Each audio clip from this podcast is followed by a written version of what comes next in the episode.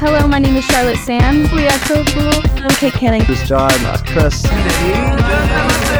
Magnolia Saya dari Temawa. dari Daun Jatuh Saya Tasha Natasha. Putih Ostatrio Simon Solonet. dari Relasi Trishan here. To listen to my episode on Bingkai Suara. Hello, listeners. Welcome back to Bingkai Suara with me, Siska. And in today's episode, we have a really special guest. He's an icon of Dutch Christmas music, a jazz musician, and winner of the Voice Holland 2019, and also winner of the Edison Award for the for his album Forever You in 2020. So, everybody, please welcome Dennis van Aarssen. Hi, Hi. Dennis. Hi, how are you? Nice to be here. I'm good, thank you. So happy to meet you, by the way. What's good? And where are you right now? I am currently in the Netherlands where I live and where I'm from. And uh, yesterday night, we started my Christmas tour uh, of the Netherlands, Christmas When You're Here, which is named after the album. Uh, and Ah. uh, yeah, very busy times in December. I love Christmas, and uh, yeah, I can't wait until uh, until the next shows. Yeah, yeah, I know. When we talk about Christmas, so we talk about you. Christmas is Dennis van Aarssen. Thank you, thank you. Well, I, I'm I must be doing something right then. okay, first of all, big congratulations on dropping your single Christmas When You're Here. It's an amazing song, by the way, and we're going to talk about it in a bit, but let's talk about you first. Before we talk about your album, I want to start with who is Dennis van Aarssen, like in real life, apart being a singer and songwriter. Well, apart from being a singer and a songwriter, th- that those are my passions, and that's Mhm. what I spent most of my hours doing. Uh, I'm always busy with music or creating content on TikTok or Instagram. But besides all that, uh, I live in a small town where I grew up. Also, it's called Gorkum, which Uh-huh. you can immediately forget. Um, because it, it's not very big, uh, and I think there's about thirty-five thousand people living here. And I live together with my girlfriend, who I've been with for nine years. Wow. Uh, yeah, I'm 29, and so is she. And we have a little dog who's called Yip, uh, oh. and he is. Uh, th- those two are the loves of my life, um, and uh, and that's what I think life is all about. It's all about love. Yeah, you have a perfect life, by the way. so happy to hear that. Okay, Thank you. now, I wouldn't say perfect, but I'm I'm I'm I'm really happy. Yeah, yeah, I know. When you're happy, so your life is perfect. That's uh, you're you're 100% right. Yes. Okay, now let's talk about your album. Um, it's amazing, by the way. For me personally, this album is, uh, like you said, manifestation of the feeling when you get when you think about the Christmas. Yeah. Yeah. And can you tell us about the inspiration behind this? But uh, as I said, everything in life is about love to me. Love is the most important thing. If I'm if you're happy in love, then you're happy in life. And of course, health is important and and you need uh, passions and whatever, but love is at the center of all of it. Uh, so most of the songs that are on the album are inspired by the love of my life.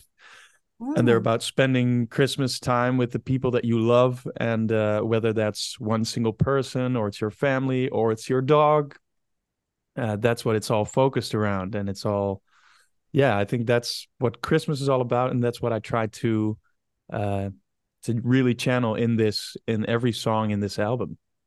Okay, so what is what is your goals when you when you making this album? I mean, um, what is uh you you expect from people when they listen to your music, to your song?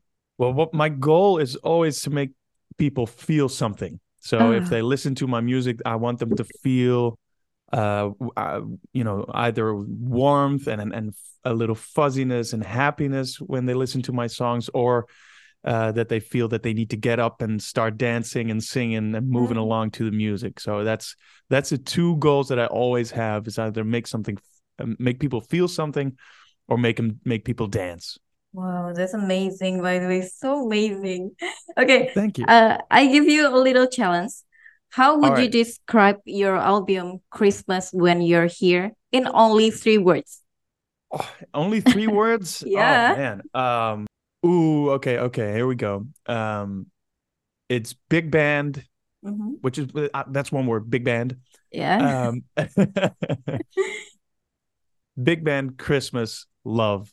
Oh, That's that's the three words. Yeah, yeah, yeah. Always love, yeah. Okay, Always. always love, always in our life. Love, life, and music. Yeah. Well, yeah. Mu- most most most songs are love songs. Just yeah, Yeah, check yeah. your Spotify playlist. All, it's all about love. Yeah, 100% you're right. Okay, uh, let's talk about your latest song in this album, Christmas When You're Here. How do you interpret this song? Well, Christmas when you're here, it's uh, there's it's no coincidence that my album is named after that. Mhm. Um, that is to me the most beautiful one of the most beautiful songs that I ever wrote, and I wrote it together with two Americans, Jeff Franzel and Maria Christensen.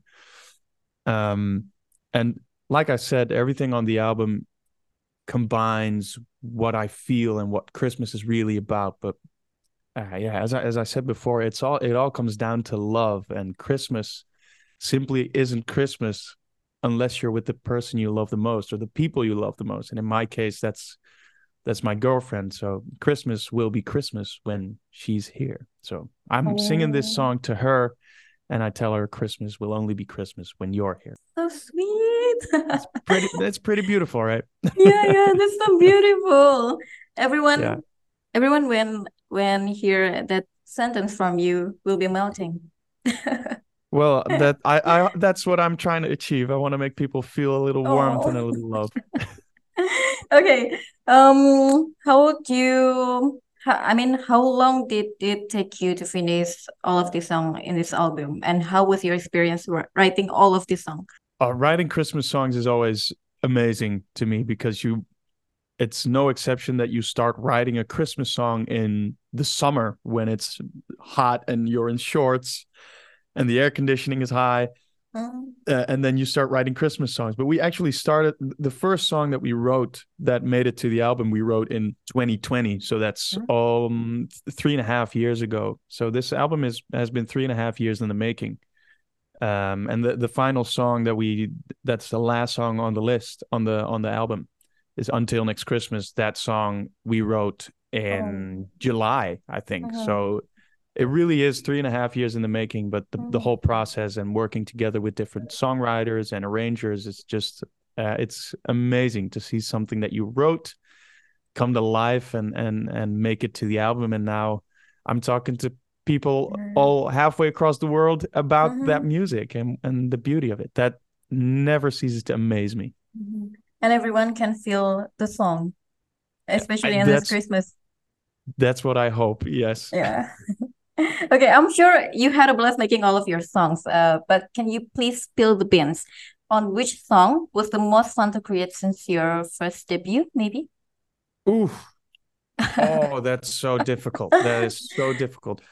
The first, oh, the, oh, from the from uh, from the first song that I ever released, or do you want to keep it on the album? Okay. Oh my Mm. God, that's so difficult. You know what? That's actually a song that it that hasn't come out yet.